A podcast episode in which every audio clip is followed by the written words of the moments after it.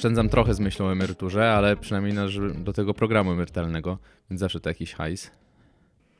No to już jest bardzo taka odległa perspektywa. Trudno sobie po prostu to wyobrazić, e, że ta emerytura gdzieś tam kiedyś będzie na horyzoncie. Przede wszystkim ludzie w naszym wieku E, którzy nie mają, nie wiem, w spadku nie otrzymają mieszkania, no to mhm. pierwszą rzeczą, którą jakby muszą niejako sobie ogarnąć, to jest mieszkanie, bo jeżeli sobie nie kupisz czegoś na własność, no to licząc na to, że nie wiem w sumie magicznie co się stanie, ale na emeryturze nie będziemy mieć więcej pieniędzy niż teraz mamy, tylko będziemy mieć bardzo mało. Do tego jeszcze dojdą różne pewnie jakieś choroby, więc trzeba będzie opłacić leki mm. e, i tak samo trzeba będzie coś zjeść, więc no jakby e, nie wygląda to świetlanie, więc trzeba się teraz e, zastanowić nad tym, co zrobić, żeby, żeby sobie ogarnąć życie na tyle, żeby w przyszłości nie wiem, nie musieć sobie strzelić kulki w łeb, tylko dlatego, że nie masz, co, nie masz hajsu na życie. Mm. Więc dzisiejszy odcinek będzie sponsorowany przez oszczędzanie. Przez pieniądze. Uuu. Ja pamiętam z podstawówki, że było coś takiego jak SKO, czyli Szkolna Kasa Oszczędności. No i ja, coś mi świta, ale za cholerę nie mam pojęcia. Ja pamiętam tylko to hasło dziś oszczędzam z SKO, jutro w PKO. Tak? Coś to, takiego? Myślałem, że powiesz, dziś oszczędzam w SKO, jutro spadam na dno. Ale co to było? To taki rodzaj y, skarbonki, y, którą prowadził, nie wiem, chyba bibliotekarka miała coś takiego, y, że można było zanieść tam hajs. pieniądze no. i mogły się trzymać na swoim koncie i tam niby procentowały. Tylko ten procent to był pewnie jakiś super śmieszny. Mm. Y, I ja nie pamiętam, żebym kiedykolwiek ko y, korzystała z, z tego, prócz, od, prócz y, momentu, kiedy mieliśmy jakąś szkolną wycieczkę i trzeba było wpłacić pieniądze. No i tam nauczyciele sobie zdawali sprawę, że dzieci mogą być biedniejsze, a to było coś około 200 zł, bo to była jakoś tam kilkudniowa wycieczka. No, tak I powiedzieli, żeby wpłacać po części na to SKO, żeby się nazbierało do tego tam czasu, nie? Więc to było super, akurat super opcja i faktycznie wtedy z tego raz skorzystałam. A tak, ja po prostu nie miałam żadnych y, pieniędzy, ja nie, nie dostawałam kieszonkowego. Czasem dostałam złotówkę na loda albo coś, mm. więc jakby od razu konsumowałam to wszystko, co dostałam. Y, I nie miałam nigdy pieniędzy, żeby wpłacić na SKO. Mm. I nie przypominam sobie, żeby ktokolwiek w szkole oszczędzał, ale, ale może ja pytam, że, myślałem, że wiesz coś więcej, co to jest, bo ja sam konstrukt, czy to było po prostu legit jakiś system y, państwowy, czy... To było pod, pod skrzydłem PKO właśnie, tego banku. Okej, okay, czyli po prostu takie, ale to było takie szkolne konto i po prostu miałaś uczniowskie subkonta? Miałeś takie konto, ale ja nie wiem dokładnie. Czy trzeba było coś założyć po prostu? Bo... To znaczy nie, każdy to miał z defaultu. E, SKO, czyli Szkolna Kasa Oszczędności, to istniejący od lat 20. XX wieku szkolny system oszczędzania, w ramach którego uczniowie gromadzą pieniądze na specjalnych rachunkach bankowych. System został zainicjowany przez Pocztową Kasę Oszczędności. Po II wojnie światowej system był rozwijany przez Powszechną Kasę Oszczędności. No w sumie to już takie. Um, tak, czyli. Um, Głównym za założeniem programu jest upowszechnienie idei oszczędzania, szczerzenia, szczerzenia, szerzenia postaw przedsiębiorczych wśród dzieci i młodzieży oraz promowania współpracy w grupie rówieśników. E, według informacji własnych PKO BP z SKO korzysta aż 1 trzecia szkół w całej Polsce. Hmm, ciekawe. Tak, no i to generalnie e, jest informacja z Wikipedii na temat SKO. Okej, okay, widzę, że tu jest tak, bo to są trzy osobne sektory. Po prostu rachunki szkół, rachunki rad rodziców mhm. i specjalne konta dla uczniów yy, z oprocentowaniem. Jak na dzisiejsze czasy 0,3 do mhm. kwoty 2,5 tysiąca złotych. Ja, ja w ogóle, jakbym była mm. rodzicem, to bym właśnie cisnęła w coś takiego, żeby nauczyć oszczędzania dziecka, żeby właśnie w to SKO, bo tam widać ewidentnie, że jak się e, regularnie wrzuca pieniądze, no to po jakimś czasie masz dużo i możesz sobie kupić coś no. fajnego wtedy i masz tą świadomość, że to coś daje, nie? Nie wiem, czy widzisz dużo, bo yy, jeden, jak masz 1%, w skali roku, no to miesięcznie... Nie chodzi o procentowanie, tylko chodzi o to, że właśnie sobie regularnie tam wrzucasz małe kwoty, mm. nie? Nawet złotówkę tygodniowo. No, to, co nie jest dużo. No ale wiesz, no to po roku będziesz mieć ileś tam złotych, dych. nie? To jest 50 miesięcy w roku. 52. No zależy od roku. No to będziesz mieć 52 zł. Widziałeś kiedyś 52 zł, jak byłeś w pierwszej klasie? Mm, w pierwszej podstawówki nie wiem, nie pamiętam, ale a, y, wiesz co, ja akurat miałem tak, że no u nas było, y, jak już wielokrotnie na pewno mówiłem, biednie ale miałem na przykład to, że czasami babcia nam rzucała jakiś tam hajs, ale ja byłem bardziej przedsiębiorczy w podstawówce e, niż w późniejszych latach i nawet teraz. Ja na przykład sam sobie fundowałem zielone szkoły w takim sensie, że zbierałem złom, jakby od, od podstawówki, właśnie od pierwszej, drugiej klasy podstawówki zbierałem złom i czasami nawet po mielcu chodziłem, zbierałem puszki albo jakieś, wiesz, jak na przykład pamiętam sytuację, że ktoś wyrzucił na śmietnik właśnie takie poremontowe rzeczy ja patrzę, o, tyle miedzi, bo po prostu jakieś kolanka i koski, to ja po kurde, prostu no, łapałem mieć to i jest- tak w koszulce jak jabłka, po prostu zawinąłem koszulkę i tak biegnę do domu z tym, no bo to było kilkadziesiąt złotych. Mhm. Miedź jest droga. E, Tak, bo wtedy ludzie też nie mieli świadomości, albo jak ktoś nawet nie zdawał sobie sprawy w sumie, że, że można to gdzieś oddać, a ja się interesowałem. I było też tak, że właśnie u mojej babci było złomowisko, więc troszkę nielegalnie czasami tam wbijałem po go- godzinach otwarcia i szukałem aluminium. Albo zbierałem puszki, albo nawet sąsiedzi zostawiali puszki, no właśnie jak pili, bo wiedzieli, że ja zbieram. Mm, czasami ktoś później przejmował im biznes, jebani, Kurczę, bo się dowiedzieli, że to jest pieniądz. dziw, że nie otworzyłeś jakiegoś przedsiębiorstwa złomieckiego. Tak, a nawet było tak, że mój dziadek pracował w takiej firmie robiącej yy, obudowy do ciężarówek.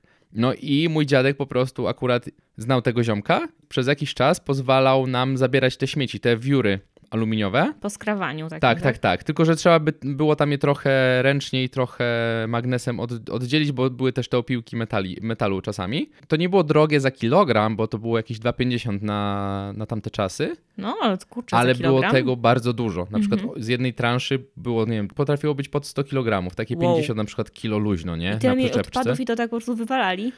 Właśnie tak, no bo po prostu to był śmieć, nie? Mhm. Tylko, że właśnie później się skminił y, niestety y, syn tego właściciela i on sam to później robił, bo zakład się im trochę rozrósł, więc mieli tego bardzo dużo. Mhm. I mnie, to strasznie bolało, bo ja przez to y, z tego hajsu sobie mm, opłaciłem wszystkie zielone szkoły w podstawówce po 250 zł, chyba tam od, od. Najsik. Tak. E, tylko tam musiałem odpalać na przykład, bo później właśnie, to, no gruby hajs, bo było tak tygodniowo, że na przykład 150 zł tygodniowo z tego wychodziło na tamte Mhm. czasy. W, w chuj pieniędzy, no mi za dużo, więc na przykład tata mówił, że on kupuje worki i za paliwo traci, że tam jeździmy, więc y, Też trzeba, sobie trzeba było odpalić. Nie, no wiadomo, na pewno wiesz, nawet nie wiedziałem o całym tym hajsie, no bo ja nie Mhm. mogłem sam sprzedawać. No tak. A ty mieszkałeś na stacji, nie? Tak, tak. Ja mieszkałam e, poza, poza miejscem zamieszkania, tak gdzieś z 25 km od domu. Mm. No jak, Nie chciało jak to się dojeżdżać. z hajsem? No, rodzice dawali mi 5 dych na tydzień. E, I za to opłać i stację, Czesne. nie, nie. To znaczy na, na stacji mi dawali osobno. Mm. To kosztowało 200 zł miesięcznie Kurde. za miejsce w pokoju w Rubieszowie. To moim zdaniem, że to dużo jest. A ile was tam było na pokój? Dwie osoby w pokoju, a babka dwa pokoje wynajmowała. Czyli cztery dziewczyny. Czyli No. pokój za 400 w Hrubieszowie? Tak. Ja wynajmowałem w centrum Krakowa, no rok czy dwa lata później niż ty. I Jeszcze z Yy, babką na mieszkaniu mieszkałyśmy. Właśnie, a my, my sami w Mhm. olbrzymiej kawalerce w centrum Krakowa i płaciliśmy po jakieś 380 No. za osobę. No. No tak, no ale wiesz co, dla mnie to i tak było spoko, e, Mm. to była dla mnie spoko lekcja życia, no bo byłam zdana na siebie, więc musiałam sobie ogarniać takie rzeczy właśnie jak pranie, jak e, wiadomo, wszystkie rzeczy do jedzenia, przygotowanie posiłków, rozplanowanie, żeby mi wystarczyło to na cały tydzień. Jeszcze jakieś robiłam sobie wiesz, zakupy mm, e, rzeczy do, do mycia się jakichś, wiesz, kosmetyków. No i chodziłam na szmaty, żeby sobie kupić jakieś ubrania przeważnie, no bo też mnie nie było stać na nic Mm. więcej. Plus jeszcze musiałam sobie kupić busa do domu za piątaka, więc realnie miałam 45 zeta do dyspozycji na cały tydzień. A wracałaś co weekend? Tak, tak, co weekend. No kurczę, trudno by było, żebym nie wróciła, bo bym nie tak. miała A, za no co tak. żyć. A nie było miesięcznych jakichś czy coś? Yy, Wiesz co, no ja jeździłam tylko kilka razy, więc i tak No to wiem. było mniej niż Mm. Dużą częścią mojego hajsu, którym dysponowałem, no to było socjalne. I na pierwszym roku strasznie biedowałem. Yy, Feel you bro. No, strasznie biedowałem, bo i właśnie starzy nie mieli dużo, żeby mi wspomóc, a i tak fakt, że w ogóle ja jakby wymusiłem trochę, że chcę iść na studia i nie ma bata, że nie idę. Yy, A to w sumie spoko. No i tak, no ale właśnie to socjalne mi pomagało. To chyba było w, na moim pierwszym roku 400 coś złotych na UP. Yy, No i tam mama też mi dawała jakieś 400 złotych i tam jeszcze jakieś robiłem czasami jakieś tam dorywcze, jakieś takie małe pracki yy, przez pierwsze pół roku, więc to jakieś tysiąc, no i Mhm. trzeba było się utrzymać i no dawało radę, nie? Oczywiście jak miałem kupić jakieś buty, no to mamo daj stówę na buty. I tak było. A później już miałem, yy, właśnie zacząłem, zacząłem pracować dorywczo. Później się to dorywczo zrobiło, że mnóstwo godzin, czasami czasami więcej niż etat normalny, bo robię mnóstwo różnych rzeczy. Byłeś E, majordomusem? Byłem takim właśnie od czarnej roboty, że większość rzeczy robiłem. No, ale że ten, ten hajs był, tylko nie, właśnie nie, nie miałem pojęcia, że... Znaczy wiedziałem, że ludzie oszczędzają, ale tak mi się... Siedzę na jeżyku i mi się wbija w tyłek. Ale byłem, wiesz, przekonany, że no jakoś to będzie w ogóle. Po co zbierać do, emery- do emerytury, jak na pewno nie dożyję. Więc wydawałem raczej na... Hashtag na, Jimi Hendrix, tak, hashtag 27 Kurt Cobain. Club. No nawet miałem taką ściankę, możemy ten wrzucić kiedyś na Insta albo na relację. tak, więc wiesz co, później dopiero zdałem sobie sprawę, miałem takie momenty, że wiedziałem, że wszystko przepieprzę. Po prostu miałem taki, jak poszedłem na UJ na ostatnich latach, UJ mi dawał 700 zł socjalnego, to było mnóstwo hajsu, to było aż niespodziewanie dużo. Mhm. W życiu nie widziałam takich pieniędzy Tak. w uczelni. A jeszcze właśnie czy, było tak, że dużo pracowałem, więc na przykład był taki miesiąc, że wychodziłem gdzieś jakieś dwa koła, więc to było po prostu dużo więcej niż wszyscy inni znajomi obok, nie? Mhm. E, tylko, że ja tego, ja tego w ogóle nie odczuwałem, bo właśnie dużo piłem i dużo imprezowałem, hehe, i ten hajs po prostu, wiesz, przeheheszkowałem cały, cały hajsiwo i wiesz, ani nawet nie kupowałem sprzętu, ani takiego elektronicznego, bo nie byłem fanem, E, ani nie kupowałem ciuchów, tylko po prostu naprawdę przepieprzałem, przy, nawet nie przejadywałem, tylko po prostu przepijałem e, hajsiwo i miałem takie momenty, że ej kurde, muszę się ogarnąć, a nigdy, wiesz, nigdy nie czytałem nic o oszczędzaniu, też nie wiedziałem, że można sobie wpisać, jak oszczędzać pieniądze właśnie i wychodzić na przykład blog e, finansowego ninja Mhm. i robiłem taką rzecz, że wysyłałem ileś tam e, set złotych do siostry po prostu starszej, która była ogarnięta, No to też spoko opcja zawsze. tak, no i wysyłałem i tylko właśnie zdawała mi tam relację, ile już mam łącznie tam u niej tego hajsu, nie? I to był najlepszy sposób, który na przykład pozwolił mi po skończeniu właśnie, w tym samym momencie skończyłem studia i pracę właśnie w tamtym miejscu, gdzie robiłem różne rzeczy i nagle się obudziłem, że wiesz, no w sumie nie mam dochodu, bo jeszcze nie znalazłem nowej pracy, a chciałem znaleźć już taką pracę właśnie poważną, z umową pracę, taką normalną pracę, pracę. Mhm. I dzięki temu, że miałem u siostry tam kilka koła odłożone, yy, gdzieś tam jakieś hałtury, tu występ, tu w TVN-ie, yy, jako aktor w serialu Szpital, właśnie mogłem się utrzymać, nie? Yy, przez w sumie 7 miesięcy byłem na bezrobociu. To nie, nie przemyślałaś, żeby jednak nie rzucać tej roboty tak, zanim sobie nie znajdziesz drugiej? Nie wiesz co, ja już chciałem po prostu, no już, już się źle tam czułem. Właśnie byłem tak jakby nie ogarem, jeśli chodzi o oszczędzanie, że nawet jak ogarnąłem sobie bon na zasiedlenie właśnie po tym okresie, bo miałem pi- pierwszą pracę właśnie tak naprawdę na umowę taką normalną e, w Krakowie, to dostałem właśnie 8 koła z Urzędu Pracy i przepierdoliłem. Centralnie razem z wypłatą. Nie wiedziałem, że można zrobić, że to jest po prostu takie proste, jak na przykład konto oszczędnościowe, że to jest po prostu subkonto na twoim koncie, że nie muszę nic podpisywać, bo się po prostu bałem podpisywania rzeczy, żeby To- iść coś załatwić albo coś. No i centralnie miałem ten pieniądze cały czas na swoim koncie i z dnia na dzień po prostu wydawałem, wydawałem, aż się skończyły.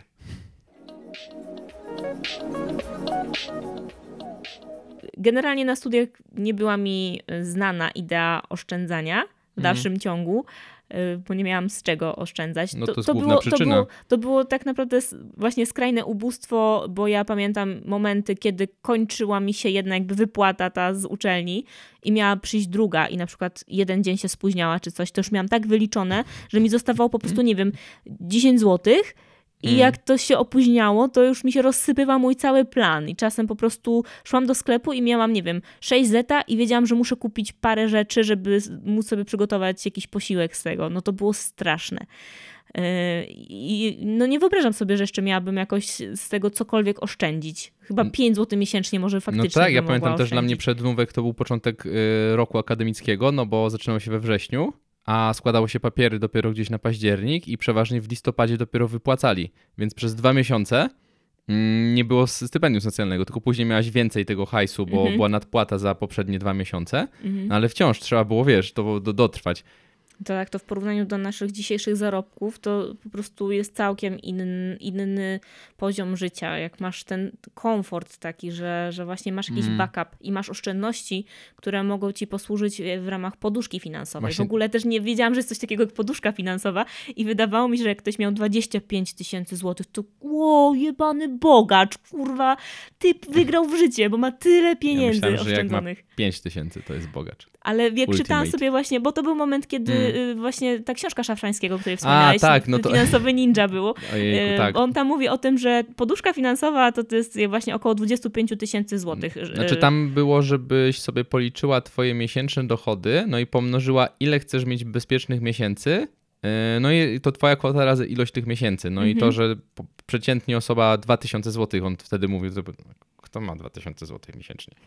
Chyba ty. No i to razy na przykład rok, no to to robi się 24 tysiące złotych, nie? Żeby to Mhm. było właśnie bezpieczeństwo. Ale wiesz, no właśnie nikt mnie nie nauczył, niestety z domu nie wyniosłem żadnego skilla, u mnie się właśnie nie oszczędzało, bo nie było co. Więc nie wyniosłem na przykład takiego skilla, a nikt mi tego nie powiedział, że można oszczędzać po prostu cokolwiek. Żeby wkładać jakąkolwiek kwotę, małą, Mhm. ale żeby to było stałe i żeby mieć to konto. Ja nigdy nie miałem konta oszczędnościowego do, podpiętego do konta, nie? A gdybym nawet wiedział, że można tam wrzucić cały hajs, żeby on sobie po prostu leżało i wtedy pewnie były jakieś 3%, więc nawet troszkę tego pie- pieniądza było więcej, ale się widziało, że coś się dzieje z twoimi pieniędzmi, nie? Mhm. Bo ja nie mówię o inwestowaniu, tylko żeby po prostu trzymać te pieniądze w innym miejscu niż na swoim głównym koncie, Mhm. żeby ich na przykład nie widzieć. Dokładnie, albo żeby ci było łatwo głupio- wydać. Tak, albo ci by było, albo nawet sama te, ten fakt, że możesz wybrać za darmo raz w miesiącu. I to jest już taki myk, który działa bardzo mocno na mózg, że ej, nie zapłacę dychy, żeby wybrać drugi raz tamtego konta, więc lepiej zostawić tam. Mhm. I to jest spoko, tylko ja nie wiedziałem, że tak można. Więc po prostu widziałem, ile mam pieniędzy. Aha, czyli tyle mogę wydać. I... Właśnie to jest pułapka. To jest pułapka posiadania jednego konta. Ja nie, nie, nie miałam nigdy książki finansowe Ninja, e, ale wchodziłam sobie na blog e, i tam jak oszczędzać pieniądze właśnie to Michała Szafrańskiego. wystarczyło. I tam było dużo takich też ciekawych tipów i między innymi pobrałam sobie taki e, pliczek w Excelu właśnie, Mm. gdzie można było wpisywać wydatki. I ja, e, to mi bardzo pomogło wtedy, jak zaczynałam pracę, moją pierwszą pracę, zarabiałam bardzo niedużo, ale wtedy widziałam, co, na ile wydaję i jakie mam, jaki mam potencjał oszczędzania. I dopiero to był pierwszy taki mój impuls, że można nie wydawać wszystkiego, w sensie, co, nie można, można nie wydawać wszystkich pieniędzy, które się zarobiło, No, tylko y, sobie zostawić na później. To był pierwszy moment, kiedy właśnie miałam więcej jakby tego y, przychodu niż, no bo, no bo to było niesamowicie, no w porównaniu do tego, co dostawałam na studiach, a pierwsza praca nawet, to były chujowe pieniądze, ale to, to było dla mnie wow, wow, ja w ogóle nie muszę, nie mam tego momentu, że mogę głodować przez jakiś y, moment w miesiącu, czy po prostu, wiesz, kupować jakieś gówno najtańsze, żeby tylko coś zjeść, mm. tylko mogę sobie realnie zarządzać w końcu pieniędzmi. Yy, I to mi, to mi dało dużo właśnie bezpieczeństwa takiego i Mm. korzystałam z tych Exceli, wpisywałam tam wydatki, no i on tam mówił, że żeby oszczędzać chyba tam e, do 10%. 10, 20, ale chyba 10, no. Tak około 10 to, że to jest spoko, nie? E, Ja tak się starałam oszczędzać i faktycznie oszczędziłam y, sobie tam parę tysięcy w ten sposób, nawet mając bardzo niski y, y, dochód. Także to był pierwszy no moment. tak, bo to jest świetne, jak sobie mnie. ogarniesz, że no, ogarniasz po prostu budżet bez, tego, bez tych pieniędzy, które wkładasz w oszczędności. I masz nawet po prostu później takie bezpieczeństwo, że właśnie jak ten telefon ci się zepsuje, Mhm. albo buty ci się rozkleją, albo kurtka podrze, albo po, no, losowa rzecz. Dokładnie. No to masz jakikolwiek hajs. Ja pamiętam, że e, też liczyłem w jakiejś apce te pieniądze, właśnie ile wydaję, tylko że to trochę jak z y, opaską do kroków. No, miałem wiedzę, ale nie wiedziałem, co z nią zrobić. Bo widzę, no tyle wydaję, no dobra, i co teraz? I jeszcze jedna ważna rzecz, że zawsze jak oszczędzasz, to nie czekasz do końca miesiąca, ile ci zostanie kasy, to sobie tyle oszczędzisz, y, Mm. bo nigdy, nigdy ci nie zostanie, jeżeli w ten sposób będziesz myślał. Trzeba od razu wyjąć w momencie wypłaty, wyjąć sobie pewną kwotę, którą tak, zakładasz, że oszczędzisz i ją sobie właśnie gdziekolwiek w innym miejscu przechowywać. I wtedy widzisz realnie, tyle masz do dyspozycji po Mm. opłaceniu wszystkich rzeczy, mieszkania, tam jakichś innych mediów. No, wiadomo. Ja na przykład strasznie nie lubię, jak gdzieś widziałem, mignęło mi na jakiejś grupce chyba Imponderabiliów, że ktoś tam mówi, że nigdy nie oszczędzał Mhm. i właśnie, że pierwszy raz chce właśnie jak zacząć. I ludzie mu dają rady w złoto najlepiej. Ja, albo właśnie, że tam kryptowaluty. Tak, kurwa, ludzie, weźcie mu, o, o, i- polećcie mu, właśnie napisałem, że nie słuchaj tych debili, bo zamrażasz sobie hajs, tym bardziej w złoto w takich małych ilościach trudno jest tak kupić, bo później kupujesz po niższym kursie, tak jak wymiana walut. Tak jakbyś wymieniało się w kółko waluty, to w końcu zostaniesz z zerem, bo jest przebitka cenowa między kupnem a sprzedażą, więc małe ilości złota w jakiejś nawet kilkuletniej perspektywie to nie jest zarobek. To jest po prostu nawet jeśli tylko inflacyjnie ci się wzróci, to i tak sprzedasz taniej niż kupiła, niż się kupiło, więc będzie się stratnym. To jest jakby duże ilości w długiej perspektywie czasu. A to tak samo jak nie wiem, nieruchomości. Więc napisałem, że no nie wiem, ogarnij sobie blog właśnie finansowy ninja albo cokolwiek o oszczędzaniu, żeby właśnie wiedzieć, że na początku właśnie trzeba mieć jakąś choćby poduszkę finansową. Ten hajs na nawet albo różne kubki właśnie, tu na, Dokładnie. na nie, niespodziewane wydatki, właśnie tu Mhm. bezpieczeństwo finansowe, jakby się straciło pracę, czy jakiś wypadek się stał. Szafrański i inni, inni, inni ziomeczkowie, którzy się tym zajmują, właśnie piszą, że to powinno być właśnie jak najprostsze. Dlatego trzeba sobie zlecić stały przelew na, na przykład na konto oszczędnościowe, żeby tego nie robić co miesiąc, bo to nie ma sensu, bo musisz wykonać akcję. A każda akcja powoduje, że ci to utrudnia życie, nie? To co jest, co jest coś, o czym musisz myśleć, to jest coś, co musisz robić sama, więc jak masz co tydzień y, coś robić, za dużo. To jest po prostu za dużo. Nawet co miesiąc to już jest tak, że po co? Że musisz o tym myśleć. Mówię to w kontekście badań, które pokazują, że nasz mózg działa w taki sposób, e, mamy tyle błędów poznawczych, że jak w Wielkiej Brytanii był system w- emerytalny, tak jak ten w Polsce wprowadzili w jakimś momencie TPPK i w ogóle, i mało osób się do tego Aha, zapisało. czyli ten taki jakby otwarty fundusz Tak, emerytalny. tak, tak. Jakieś takiego, fundusze, o, e, takie, pra, e, takie pracowe, państwowe fundusze emerytalne. No i Mhm. w Polsce wpisało się, nie znam procentów, ale stosunkowo bardzo mało pracowników. A Mhm. w, wiel, e, w Bo krajach pamiętali OFE zajebane. To jest jedna rzecz. To jest faktycznie jeden wskaźnik, ale w krajach, które wprowadziły brytyjski system do, do, do Mhm. tego rozwiązania, odsetek pracowników, którzy są w tych pro, programach, wynosi 90%. Prawie w Mhm. każdym z tych krajów. Dlaczego? Bo jest zasada, że musisz się wypisać z tego programu. Nie Mhm. wpisujesz się tam, tylko jeśli chcesz z niego wyjść, to musisz właśnie złożyć deklarację, a nikomu się nie prawie, prawie nikomu się nie chce. Myślę, że są osoby, które potrafią z defaultu oszczędzać, bo no właśnie u mnie w domu po prostu nie było, u mnie się nawet nie rozmawiało o pieniądzach po prostu, bo po pierwsze ich nie było, a po drugie pieniądze to jest grzech.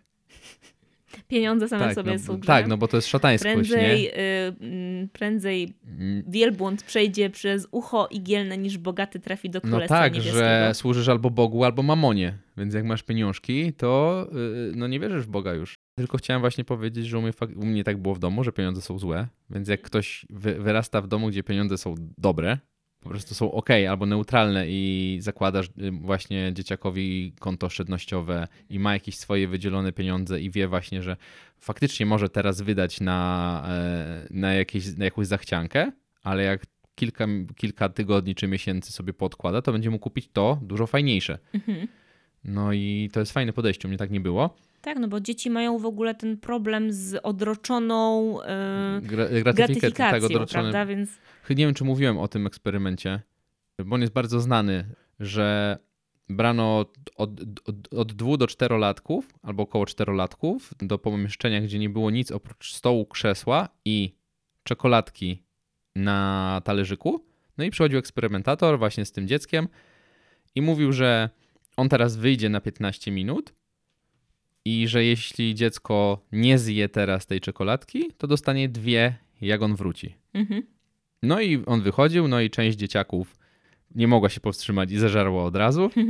Część e, robiła jakieś tam, wiesz, no, kręciło się. Nie było tam w ogóle żadnych rozpraszaczy, żadnych zabawek ani nic, czym dzieci mogłyby się skupić, więc były tylko one i czekoladki, jak pojedynek na dzikim zachodzie. Bdzim!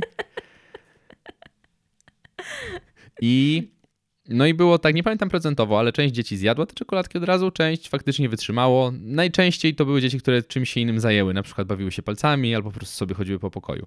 No i faktycznie jak wracał eksperymen- eksperymentator, to dostawały drugą czekoladkę. No i to jest jedna część eksperymentu i zebrano później wywiad po kilkudziesięciu latach, czy kilkunastu, ale chyba to było kilkudziesięciu latach, co jest z osobami, które właśnie zjadły się od razu. z tymi Tak, osobami potem w życiu, tak? tak. I okazało się, że statystycznie osoby, które poczekały, właśnie yy, mają tą opcję w mózgu, że są w stanie właśnie wyczekać, czyli mają tą odroczoną gratyfikację, lepiej sobie radziły w życiu, miały większe wykształcenie i więcej zarabiały. No proszę. Więc to już są już mechanizmy, które dzieci Trochę już mają. mózgu, nie? Więc prawdopodobnie chemia mózgu trudno powiedzieć, czy nie behawioralny, czy właśnie nie mieli rodziców, którzy właśnie sobie lepiej radzili, Mhm, więc mhm. już widzieli to w domu, ale wciąż, no jakby już od dziecka nabierasz tego wajbu, że inaczej myślisz o świecie, czyli na Potrafisz przykład po też o prostu na pieniądzach. poczekać i jeżeli masz perspektywę, że coś potem się stanie, co będzie lepsze i warto poczekać. Tak, tak. No i właśnie na przykład tak jest no, z pieniędzmi właśnie, że możesz wydawać na konsumpcję, Mhm. no bo to jest fajne, ale jednak no, Uzależniające. No tak, no ale znaczy wiesz, no zależy, bo jeśli masz bezpieczeństwo, że właśnie masz dom, do, dom po rodzicach, czy po prostu masz dom, gdzie, mie, gdzie mieszkać, czy mieszkanie, no to spoko, ale właśnie jeśli, tak jak wielu Polaków, po, Polska jest bodajże na pierwszym miejscu w Europie, jeśli chodzi o wiek yy, wyprowadzki od rodziców, bo po prostu nie mamy gdzie.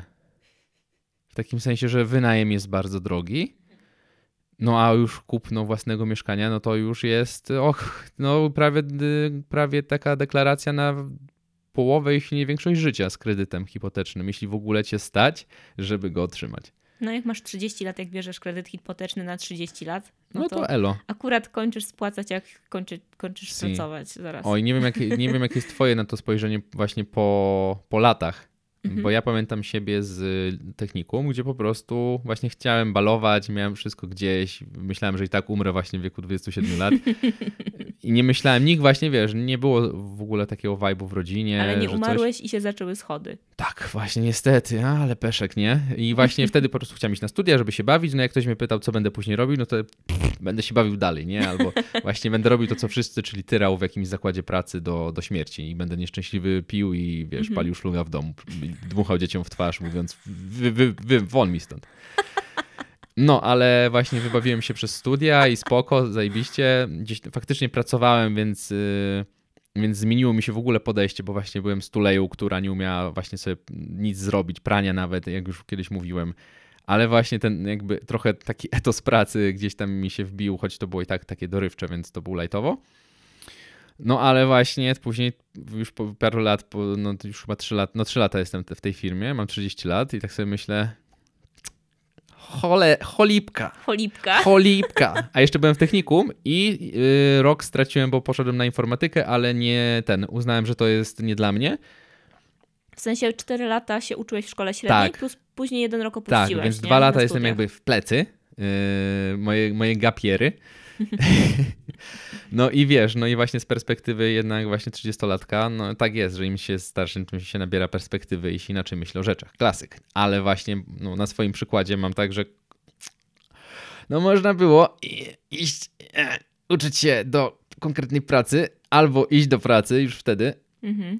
no, no i na przykład teraz już bym spłacał sobie właśnie, e, byłbym o parę lat wcześniej z jakimś kredytem, tak. albo na przykład wtedy by mnie było stać, a mieszkania były oh boy, oh boy, oh boy. tańsze tak mocno, że Damn, now is thick. nie ma, nie ma to nic wspólnego z inflacją, e, ani z takim sensownym wzrostem cen, to jest po prostu sztucznie napędzana bańka mieszkania w dużych miastach przez wynajem krótkoterminowy i, i Airbnb, właśnie... Airbnb. Ale znaczy to od lat, ale po prostu na wynajem. W- Tak, Mieszkanie tak. na wynajem studentom czy, po czy pracownikom. wynajmować osobie prywatnej mieszkanie za, nie wiem, 1500, jak możesz sobie wynająć e, na dzień komuś za parę stówek, bo przyjeżdżają z zagranicy Mm. ludzie i, i, i, i dla nich to jest okazyjna cena. To akurat jest powód, dlaczego centra wymierają po prostu miast, że jest tyle mieszkań, no bo wiesz, jak kogoś stać na kilkanaście mieszkań, no to To jest, tak, to jest powód, dla te, dlaczego nas nie stać na mieszkanie. No to jest jeden z głównych powodów, dlaczego nas nie stać na mieszkanie.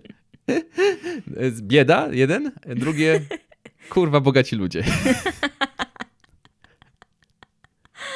No, ale właśnie mam taką, że a, mogłem, ale z drugiej strony fajnie było na studiach, no i, i nie wiem, co było, co byłoby lepsze z punktu widzenia dzisiejszego mnie. Bo tak to bym miał, wiesz, już bym pracował 10 lat, mogłoby mnie to tak wytyrać w życiu, że już bym wyglądał jak 70-latek i nienawidził jeszcze bardziej wszystkich wokół i wszystkiego wokół. Wiesz, jest, nie wiem, jakieś takie było powiedzenie, że lepiej płakać w, Porsche? nie w Porsche, czy Albo tam w Lamborghini. jakimś, y, na pozłacanym tronie. Że bieda, że sz- pieniądze szczęścia nie dają, ale lepiej się płacze w Lamborghini. No takie Coś głupkowate. o to- szampanie. Mm. A nie, dobra, to było inne powiedzenie. No i tak to właśnie wygląda. Yy, dobra, bo będzie to trwało i trwało i trwało, a w, żeby nam z tego wyszedł, yy, nie wyszedł odcinek Bieda 2.0. To trochę jest odcinek Bieda, Bieda 2.0. nas jebie 2.0. To jest odcinek Wychodzenie z biedy 2.0. Dzięki za wysłuchanie kolejnego odcinka podcastu Para Dobrana. Mm, Żegna Was Patryk. I żegna was Sylwia. Mam nadzieję, że Wam się podobało i że oszczędzacie. Elo, trzymajcie się.